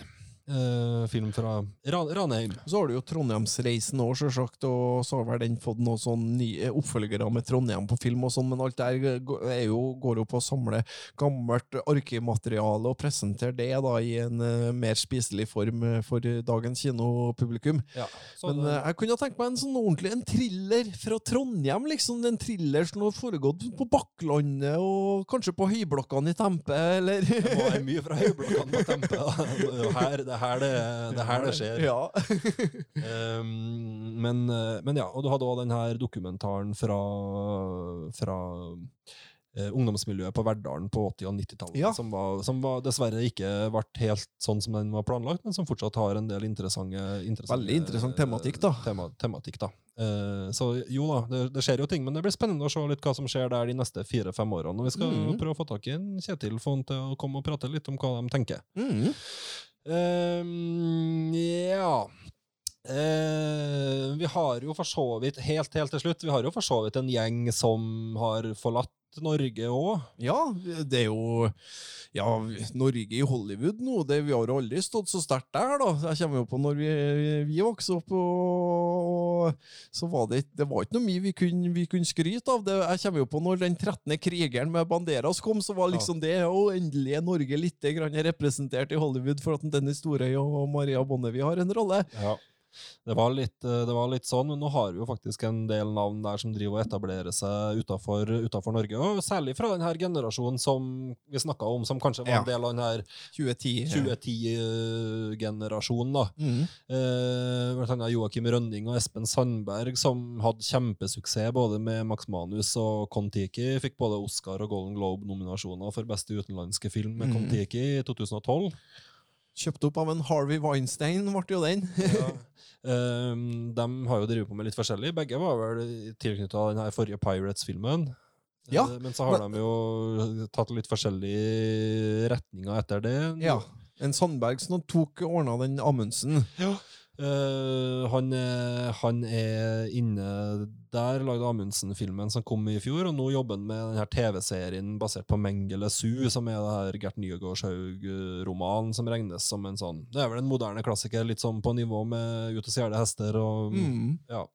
Eh, Vi får nå se litt hva som, hva som kommer der. Um, Joakim Rønning er vel fortsatt i Pirate-systemet. Han tror jeg er involvert i den neste som kommer der òg. Ja, og uh, så drev de jo på å regissere litt sånn piloter og sånn for Netflix og sånn. og det er litt sånn små, små, der småtjafs, han, eh, Joakim Rønning hadde jo Malef Maleficent 2, Ja. uh, som ja, Jeg har ikke sett tallene på den, men det er vel grunn til å tro det er at noen den gjorde- storfilm, på en gjorde måte. det brukbart på kino. Ja. Var jo tilknytta òg det her Princesses-prosjektet til Disney, som skulle være en slags sånn her alle Disney-prinsessene skulle ut og slåss litt sånn i Ja. Avengers-stil. da, Men jeg vet ikke helt hva status er for det prosjektet. Jeg tror han er ute der. Ja. Ehm, så, så, så ja, han er vel Han driver vel for å forberede innspilling av en ny Pirates-film, så hvis Ja. jeg ikke tar helt, tar helt feil. Men de driver nå, driver nå på. Espen Sandberg har trukket litt mer mot Norge igjen, mens Joakim Rønding fortsatt jobber innenfor, mest innenfor Hollywood. Mhm. Eh, Morten Tyldum slo igjennom med 'Hodejegerne', selvfølgelig. da, 2011, vel. ja. En av de beste norske filmene i nyere tid. Mhm. Eh, Veldig underholdende og litt en sånn hit. Hit på iTunes utafor Norge Den, kjøpemarkedet. ja, ja, den eh, har har sjøl sett eh, britiske og amerikanske DVD-utgaver av den. Mm. Og stort sett en film som blir godt, godt likt. Den har et bra tempo, et bra driv og Ja. un underholdende variant. Eh, Han er jo den eneste Oscar-nominerte regissøren vi har, da. Mhm. Eh, Imitation Game. eh, Veldig, veldig god, den Imitation Game. Ja, så lagde han den her Passengers med Chris Pratt og, og Ja, Den fikk vel litt Jennifer mer eh, Lawrence, som er litt blanda. mer sånn midt blanda drops, da. Ja. Eh, En storfilm, så absolutt, da. For all del, og gjorde det vel. Tjente inn pengene sine, og vel så det. Ja. Nå jobber han med en filmatisering av den her thrilleren Pattern Recognition, som er skrevet av, eh, basert på en bok av den her William Gibson, som eh, in, intet mindre enn forfatteren bak Johnny Mnemonic. Oh, ja! Så det, det høres jo veldig lovende ut. Ja, så det får vi nå se hva som kommer derifra. Det er jo litt sånn science fiction-thriller-greie. ja. Der William Gibson er litt inne i bildet, da. Mm eh, håper jo Er det lov til å håpe på en ny Johnny Mnemonic? Det er jo veldig lov å håpe på det. ja, nei, vi, får, vi får se. Eh, Roar Uthaug har vi jo for så vidt vært litt inne på. Han driver og jobber så vidt med bekjent med en actionfilm rundt tro temaet troll. Ja. Eh, vet ikke helt hva som er status på det Det var han som hadde den eh, Tomb Raider-filmen, ja. Ja. ja. Ehm, vet ikke helt hva som er status på, på den eh, filmen, men at det er et actionprosjekt med troll inne i bildet. Ja. Um, André Øvredal har vi jo snakka en del om. Han hadde jo senest noen Scary Stories to Tell in the Dark. uh, selvfølgelig kjent fra Trolljegeren. Uh, han kommer jo med en film nå i månedsskiftet februar-mars uh, som heter for Torden. Som er en sånn eventyrfilm med litt sånn superhelt-eventyrfilm med litt innsmett av norrøn mytologi og litt greier. ja. Og det var han som hadde den uh, Autopsy of Jane Doe òg, tror jeg. Ja, eh, Så og den er jo en veldig, veldig, veldig bra skrekkfilm, egentlig. Ja. han er i ferd med å få en ganske bra karriere. Det er spennende å se hvordan den her nye, nye filmen hans eh, gjør det, både i Norge og internasjonalt. da. Um, Tommy Wirkola har vi vært litt inne på. Død snø og diverse. Han har jo lagd den her driver, drev, på med et prosjekt, en slags sånn vampyrfilm Ja. for Undying Love, som Jeg, jeg vet jo at det kommer en Hans og Grete 2, eh, Ja. men eh, den er han vel ikke involvert Jo, han er det. Han skal ha regi på den. Nei, han skal ikke ha Eller regi, skal han ikke det? For at det, det, det, det sjekka jeg opp noe nylig, og det var en annen mann som står som regissør, men det er mulig at han skal være med som koprodusent eller noe sånt. da. Jeg fikk inntrykk av at han var involvert Gå inn på- gå inn på IMDb nå, Jeg fikk så får vi inntrykk av at avklart. Han var involvert i det, i det prosjektet da når jeg gjorde min research. Ja, det, det, men, men jeg tror ikke det er han som står som regissør, nei. Men det kan godt være at han, at han er innblanda på noe vis, da, men Eh, skal vi se Han har i hvert fall vært med å skrive den. Nei, så skal han nok ikke ha regi, nei. Men han har vært med, han har vært med å skrive den, og skal vel muligens å Ja, han står oppført som writer på den. Writer, ja.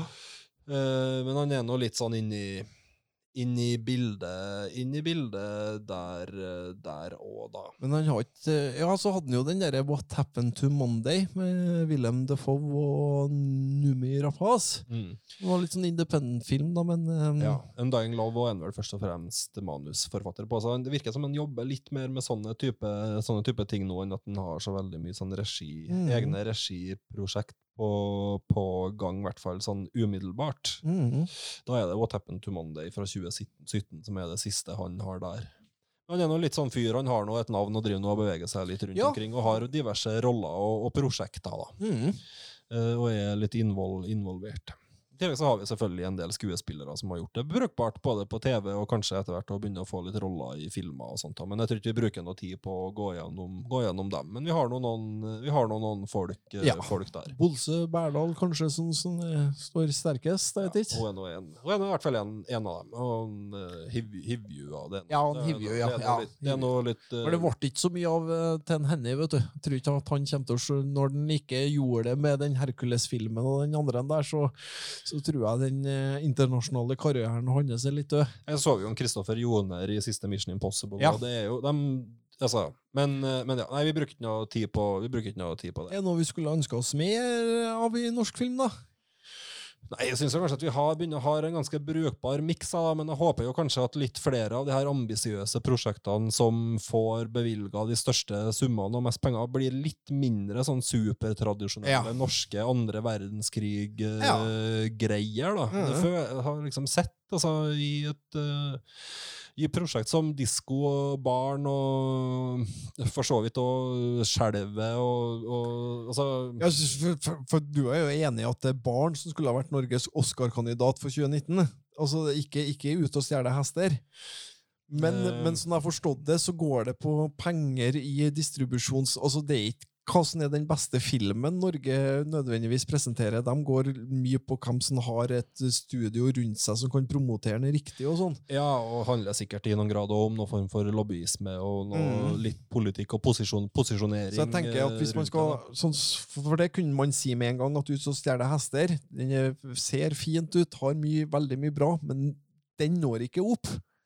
Nei, jeg synes det er en, det jeg kunne man skjønne en- på forhånd at den når ikke opp. Jeg syns det er en god film, da, men jeg synes som, Ja da, som, jeg har ja, ja, sagt, som jeg sagt uh, tidligere i eh, de her podkastene, så syns jeg at både Barn og Disko i hvert fall er sterkere enn norske filmer fra 2019. Så heller, heller satse, løfte, løfte fram dem uh, Ja. mer. vært kulere, kulere å teste Barn Ja.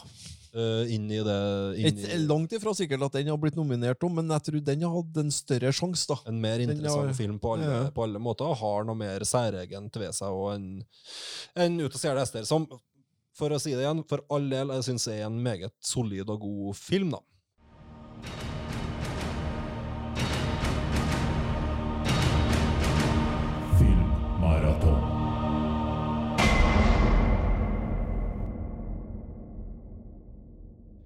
Ja, eh, vi kan jo ta med oss eh, litt hva som er nytt på video Ja da. i februar. Og Ja. kjøpe, kjøpefilm. Er skjer det noe spennende? Det skjer alltid, alltid spennende ting der. eh, enn så lenge, i hvert fall. så eh, ja, eh, vi kan jo starte med 10.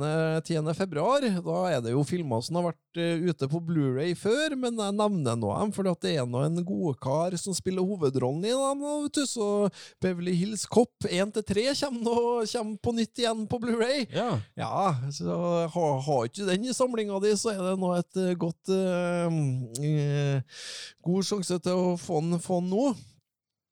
Eh, ja, hva, hvilken Beverly Hills Cop syns du er best? Og jeg sliter kanskje litt med å skille mellom dem. Jeg må kanskje si den første, da. At det er den jeg har mest forhold, mest forhold til. Ja. For min del er treeren. Ja. Ja, for det, det, det var den jeg hadde først på VHS. ja, for den kom selvfølgelig på et tidspunkt når vi faktisk begynte å ha fulgt med litt på Ja. ting, som, ting som skjedde. Ja, Ja, nei, jeg, jeg, liker, jeg liker alle tre, men jeg har ikke sett dem nok opp igjennom de siste 20 årene til at jeg kan si sånn helt tydelig at, jeg, fors, fors, at den ene er bedre enn den andre. Nei, nei de, de er vel forholdsvis jevne nå. Eh, Det er vel treeren som egentlig går for å være den dårligste, sånn sett. Mm, ja. Ja, det. er John Landis har regi på den, da. Eh, Så er Martin Brest som har Midnight, Midnight Run, er ikke det som har den første? Ja, men, Og Tony Scott som har den andre. Så, Ja, det, så det er jo en god, en god gjeng som har eh, Mm, ja. Så kommer fireren på Netflix, da, så det er vel litt eh, for å gire opp til den, jeg vet ikke. ja, kanskje. Bare at du får litt hype rundt det igjen. Og Eddie Murphy er nå litt eh, back in style. Og, Han er jo det, det har vi snakka om eh, tidligere. Ja. ellers så kommer det en film som heter for eh, Mary. Og det er en sånn uh, sjøtriller, sånn jeg forstår det, med en Gary Oldman. Jaha. Ja, så jeg, jeg fikk ikke med meg at den gikk på kino, så den er vel sånn rett på, rett på Blu-ray. I Norge, ja. Ja. utifra. Ja, jeg vil tro at det der er en helt grei firer, eh, firer, firerfilm. Mm. Og så, eh, samme dag, så kommer en film som heter For Pain and Glory. eh, Mm. Og det er jo Pedro Almodavar sin eh, siste. Ja. Der Antonio Banderas da spiller Han spiller vel egentlig en Almodovar, gjør han ikke det? da? Jo. En slags variant av en? Den har hatt early, early release på norske iTunes nå. Ja. Um, så, så den er, mulig å, å få med seg der, eller vente til den som du sier kommer, på, kommer nå på kjøpefilm den syt- Mhm. 17. Jeg går for å være veldig veldig god. Jeg har ikke sett så veldig mye av Almodovar sine filmer de siste ti årene. Jeg har ikke fulgt karrieren hans så tett, tett nå, men han uh, holder jo et jevnt høyt nivå. Er Ja. jo regna som en av, de, en av mesterne på en måte i europeisk Han er jo det. Og, eller jo fi- at- film utenfor USA, hvis man kan si det sånn. da. ja. Så jeg vil nå tro at det her er noe Det er noe helt sikkert en solid film. Uh, Den går, den går for å være det. Den Ja. går for å være en av de bedre på en stund fra Almodovar, med, Mm. som du sier, ja, litt sånn kunstneren reflekterer over sitt Ja. liv på en måte, da. Ja. Men ja, vet noe sånn cirka hva det går ut på, hvis du har sett noe Almodovar før. Mm. Da, øh, når vi er inne på norsk film her, da, så kommer det jo en norsk release også 10. februar, og det er krigsthrilleren Spionen. Ja. Eh, igjen er vi på andre verdenskrig, da.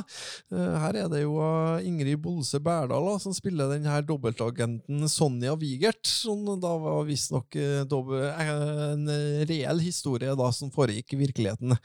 Eh, svenske Rolf Lassgaard har nå òg en, eh, en eh, rolle, og den, ja, jeg vil nå tro det, den er i sånn som de øvrige verdens Ja, andre ikke, noe, ikke noe disrespect til de involverte, men jeg, jeg kjenner jeg orsker Nei, nei, det er jeg helt enig i. enda mer av det her. Nei, Enda eh, mer av det her. trenger ikke det. Nei.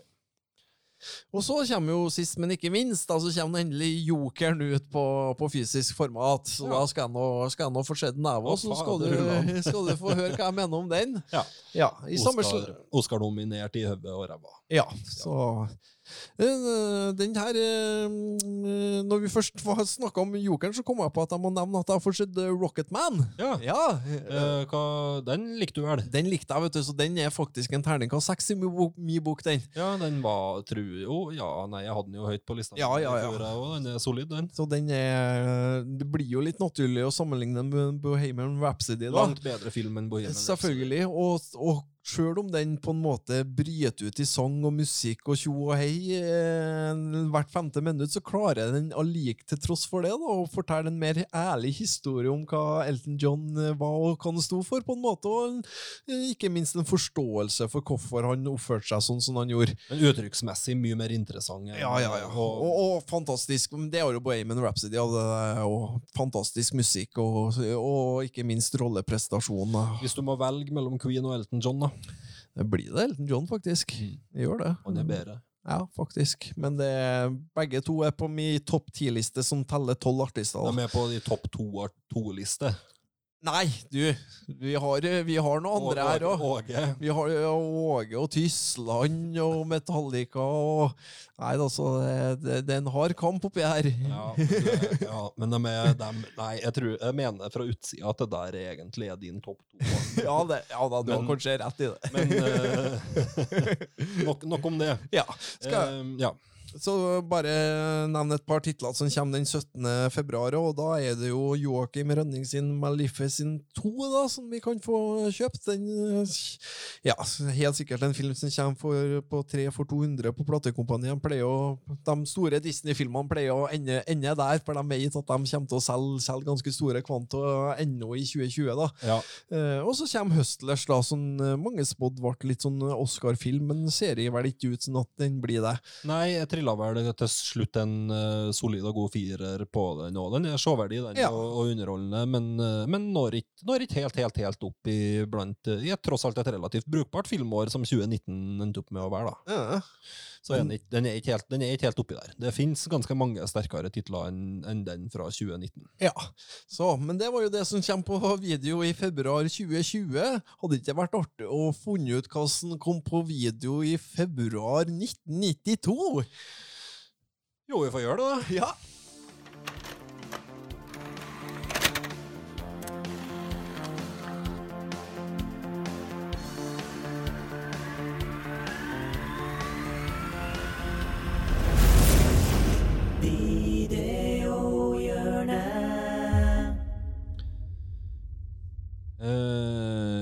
Får ta en kjapp tur inn i videosjappa her. Ja da, nå er vi, nå er vi tilbake i gode gamle VHS-dager eh, igjen nå. Så Ja. nå går vi inn på videosjappa, og nå er vi tilbake på den her Narvesen-videosjappa, som som vi var innom tidligere i høst her. Ja, da er det månedens toppfilm. Ja da, da er det månedens toppfilm, vet du. Og den eh, her i februar nå, da, så er månedens toppfilm eh, Ikke uten min datter, Ja. Sally Field. Eh, jeg har ikke sett filmen, men jeg har jo sett coveret tusen ganger. Det, Mutter'n så den der i 92. ja, det, det er jo mange mødre så den der i 92, tror jeg. Ja. Um, ja, det er vel det, så vidt jeg har forstått, basert på en sånn historie, da, der, eh, der Sally Field gifter seg med en, eh, er det en iraner, og så blir hun tatt med tilbake til landet, og så er det litt sånn tvangs... Ja, da hun får vel ikke reise tilbake med dattera si, og sånn hun skal være igjen Nei. med den familien. Og. Ja, Det er vel det egentlig litt før, en film som kom før man egentlig kjente som altså muslimer og den der ja, kulturrevolusjonen i Iran og hele den Ja. der greia der som litt, eh, litt bakteppe, ja. mm, Mm. Konservativ, eh, konservativ islam. mm. Så, eh, ja, det- har, du sett, den- har du sett den, du? Nei, jeg har ikke sett den. Jeg har den på DVD, da, men, uh, men uh, ikke, ikke sett den i hele tatt. Og jeg, men det, jeg bør vel kanskje For det er en film mange har sett, tror jeg. Ja. Jeg, jeg tror den gikk skikkelig skikkelig godt når den, når den kom. På, Mm. Kanskje særlig på VHS. Jeg husker den jo fra den perioden, perioden der òg. Men at det var litt mer en film som våre mødre så, enn Ja. at, den, at det var den vi eh, pekte på da vi var i videosjappa i 92. da. Det, det, det stemmer nok, det. Men eh, det, vi har jo noen andre filmer her òg, Mm. sånn, sånn, vi kan plukke med oss hjem. Og den andre det er kanskje nesten litt rart at den ikke er månedens toppfilm. Ja. Eh, For den er nok kanskje en større klassiker i dag, og det er jo Nattsvermeren. ja, Ja. Silence of the Lambs. Ja. Så det er som det står, da, en psykotriller om FBI-jakt på en bestialsk morder som flår huden av sine kvinnelige ofre. Mm, Men allikevel mest kjent for Anthony Hopkins og Hannibal, da. Ja. Men det er jo klart det, det er jo det det handler om eh, Jodie Foster sin jakt på. Buffalo Bill, Mm. eh, som var vel delvis basert på Jeffrey Dahmer og noen av de her andre ja, bandittene, da. Ja. Eh, Det er jo det er ikke noe annet å si enn at det er en ikonisk, uh, ikonisk film fra 90-tallet. Det raska jo med seg en haug med priser og er jo ja, den er, nok, Herregud, liksom. Det, den er, den er nok en av de filmene som, som står fra 90-tallet, som på en måte er en av de store, store filmene. det er det. Ja. Absolutt. Det er ikke så mye å si om den som ikke er sagt før, da. Nei, det er ikke det, så vi går videre til, til neste film. Men den er nok ikke like stor klassikerstatus, vil jeg tro.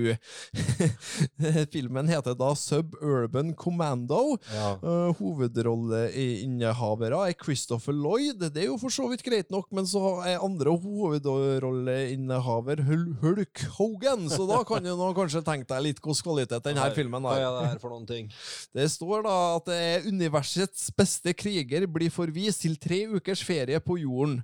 Hulk Hogan har store problemer med å tilpasse seg hverdagen i den lille amerikanske forstaden. Ja. Så det kan tyde på at han er en sånn supergalaktisk eh, sci-fi-kriger, han Hulk Hogan, da, sånn ufrivillig lander på jorda, og, og lander da og i en småbarnsfamilie der Christopher Lloyd helt sikkert er familiefaren, da. Klassisk sånn fish out of water eh, og, og motsetning, så litt sånn buddy-greie. Ja. går jo an å se for seg i hodet sitt hva det her, eh, hva det her er, for noen ting. Da. Ja, eh, Det er nok en grunn til at det her er en tittel som ikke har eh, levd videre. Ja, det er jo ikke helt uinteressant, er det Nei, ikke? nei da, men jeg har sjøl sett noen Hulk Hogan-filmer. Ja. Og det, det, det, det Til og med jeg må sette ned foten der, Ja, også. det er ikke sikkert det blir den vi, det er det blir den vi leier. Vi går videre til en film som heter for Delirious. Det gjør vi. Eh, her er det jo en, en av våre favoritter som spiller, vet du, og det er jo en, eh, John Candy. Ja. og her spiller han da en lettere frustrert såpeoperaforfatter, eh, som da blir utsatt for ulykke, og når han våkner opp, så er han da en del av den her såpeoperaen. Minner litt om den her Nurse Betty også, som kom på Mm. 90-tallet. Eh, Ja. Litt sånn samme premiss. Ja. Eh, 2000-tallet, vel. Ja, den, ja, den ja, Ja, nei, ja. noe rundt der. Ja. Ja.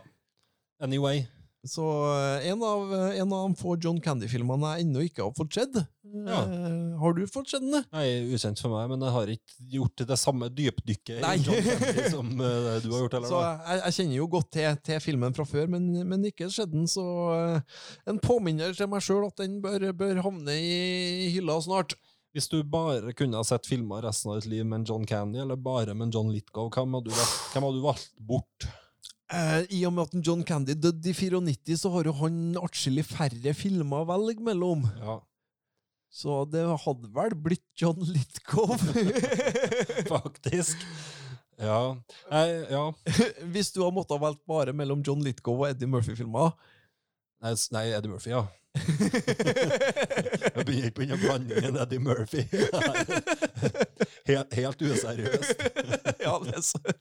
Eh, Men vi har en eh, for så vidt også en slags moderne klassiker da, med en Johnny Depp her. Ja, en av Tim Burton sine virkelig gode filmer, det her. Og da er det jo Edvard Saksehånd. Ja. Ja, den òg kunne vi sikkert ha snakka mye om, men eh, jeg tror vi lar det være. Den er nå den er nå det den er. En 90-tallsklassiker, den. Det, du har to klassikere her, og det er 'Nattsvermeren' og 'Edvard Saksehånd'. Ja. Og de fortjener den tittelen. Samme hvor lemfeldig Ja. vi bruker det begrepet, Det- så fortjener de, fortjener de jo den i et eh, mer objektivt eh, mer objektivt vurdert, eh, vurdert av. Den har folk sett. eh, Johnny Depp, en av Johnny Depp sine glansroller fra den tida han fortsatt eh, du ikke hadde sett han hadde gjort det her Ja. tusen ganger før. da. Det er sant. Men han bygde jo karrieren sin sto, i stor grad på det han gjorde her i Benny og June og eh, Edvard Saxon og de her tidligere, tidligere Ja. filmene hans, som han i praksis egentlig har repetert. Eh, Litt for mye. litt for- så- ja. Eh, det sies at den, den som er på kino nå, faktisk skal være ganske ålreit. Ah, Eh, Litt begge deler. det er litt begge deler. Den går vel heller for å være Nei, nei, den går heller for å være litt dritt, faktisk. Å, nei, ja. men har jo sett at det er endelig en film der Johnny Depp viser hva han er god for som skuespiller, men, eh, Ah, nei, da har du men det kan jo være andre kilder enn men det, kan jo være, men det kan jo være at det er en drittfilm, men at han spiller bra. Da. Det kan jo det. Kan, det. Vi må være åpen, åpen for alle, alle muligheter. her. Ja. Ellers er det jo en Vincent Price har jo en eh, rolle i Edvard Saxon. Jeg tror kanskje det var den siste rollen han, eh, han rakk å spille inn før han døde. Mm. Men det er jo selvsagt en eh, legende innenfor horror, horror, og det er vel han som har stemmen på thriller òg. Den introen på thriller med Michael Jackson. Ja. Ja. Den er bra. Eh, heldigvis så har vi i februar 92 en erotisk thriller å eventuelt kunne plukke med oss eh, hjem da òg. Det må vi alltid ha. Ja, det er den filmen som på norsk da heter Hvite løgner, eller White Palace, er originaltittelen. Hvorfor er det sånn i de her videokatalogene at den erotiske thrilleren alltid kommer som den nest siste filmen? Det er Jeg vet ikke. helt åpenbart en etablert tradisjon at det er den nest siste. og, og det er faktisk uavhengig. Nå sitter vi jo med en Narvesen-katalog, men tidligere så har vi jo sittet med andre, andre distributører sine er kataloger. en haug med forskjellige kataloger, men den er alltid plassert der. Nummer sju av åtte. Eller nummer. så det er vel det. det er vel, altså Jeg skjønner jo at man starter med de mest kjente først, og så må du ha litt Så det er vel kanskje at når du har tatt på en måte actionfilmen, du har tatt thrilleren, du har tatt familiefilmen, hva begynner vi Hva, hva er det kanskje far egentlig har lyst til å se her? eh? Kanskje et mønster på flere sjangere her enn bare erotisk thriller. Men det er alltid en erotisk thriller, og den er alltid der på Ja, det er det.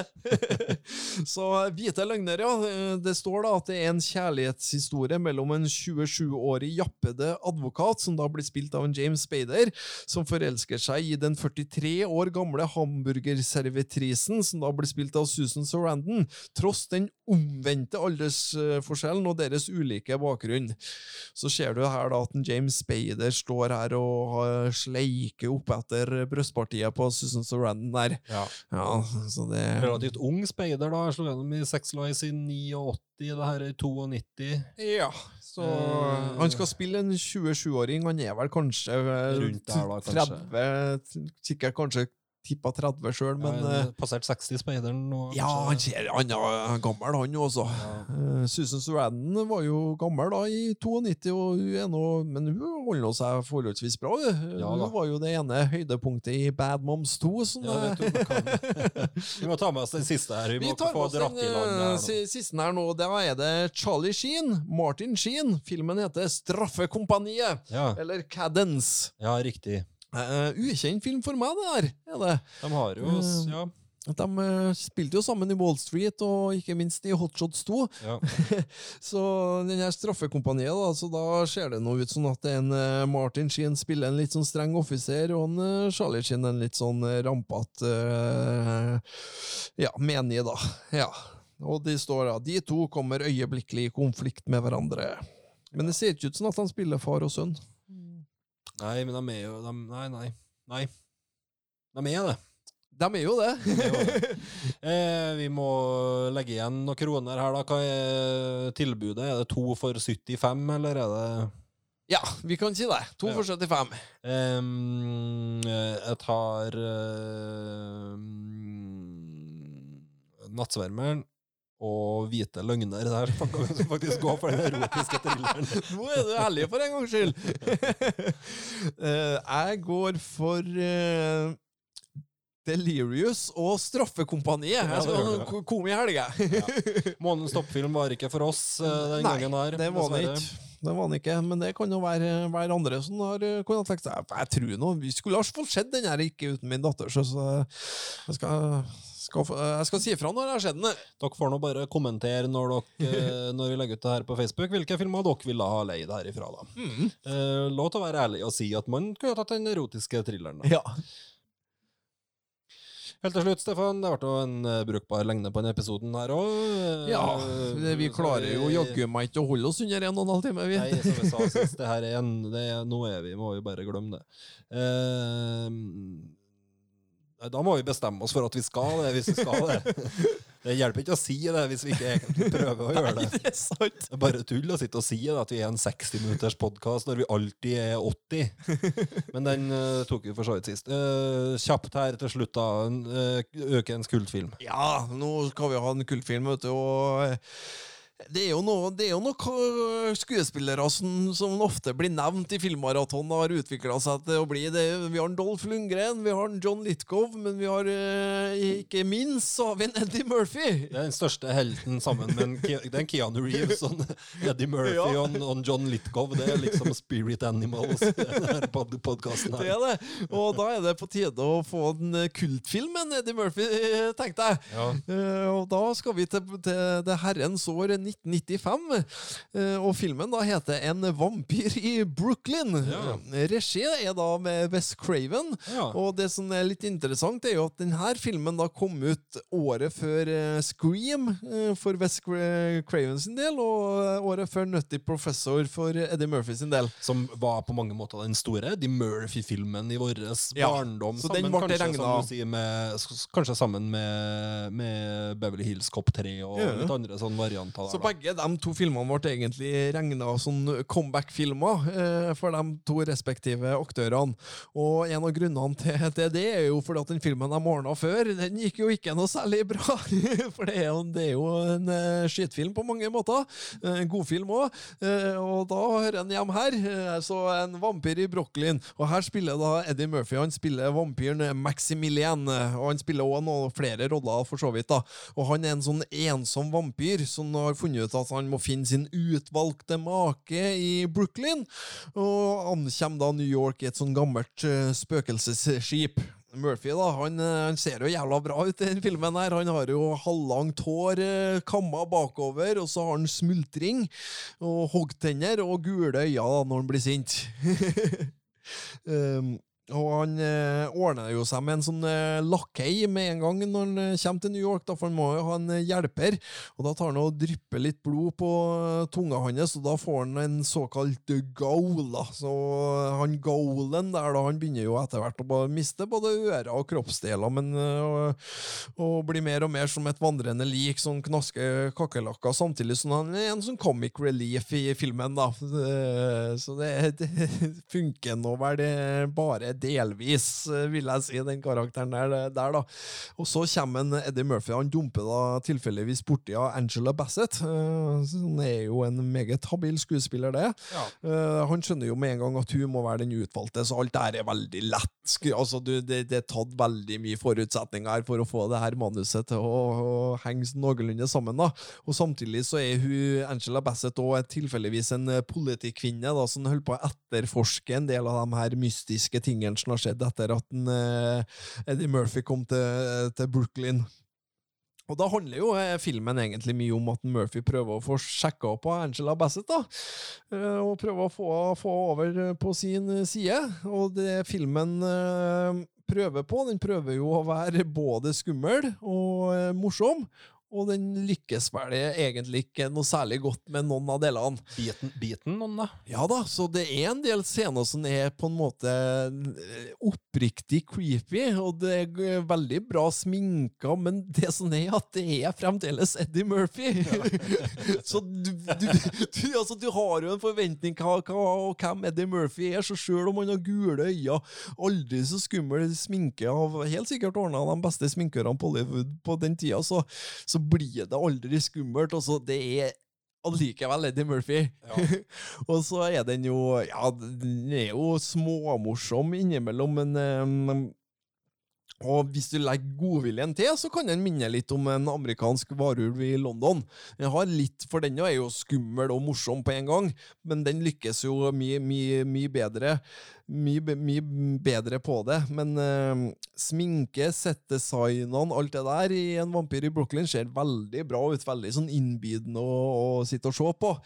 Eh, og eh, i og med at jeg er, jeg er fan av både West Craven og Eddie Murphy, så er det jo denne filmen eh, Og så og så så jeg den i forholdsvis ung, ung alder, da, så at den eh, har litt sånn nostalgifaktor på den. Så nei da, en vampyr i Brooklyn den får en kultfirer. Det vil da si at den egentlig er en terningkast to. Det er nok ganske riktig bedømmelse på den. den. Uh, mulig den er, Vet om den er tilgjengelig på Netflix eller noe? Det, nei, jeg har ikke peiling, Det er jo en uh, Paramount-film, så sånn sett eh, skal den ikke være veldig sånn uh, godt gjemt, egentlig. Nei. Um, så Nei da.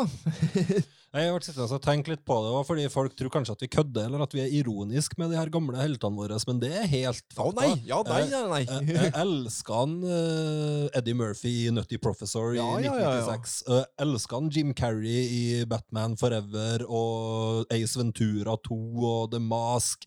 Elsker han Wesley Snipes i Passasjer i 57. Passasjer 50, ja, men i Passasjer 57 og i, eh, i Hvite menn kan ikke dunke, og i Blade, ikke minst, og, Mm. og Keanu Reeves i, i Speed, ikke sant? Altså, det her er, fakt, det her er de faktiske heltene Ja, ja. fra ja, he, Helt ærlig og oppriktig, fra denne tida, Mm. 3, 4, 5, 6, 7 og 97, så var det her he, helt ærlig og oppriktig blant de største heltene Ja, vi hadde, rett og slett.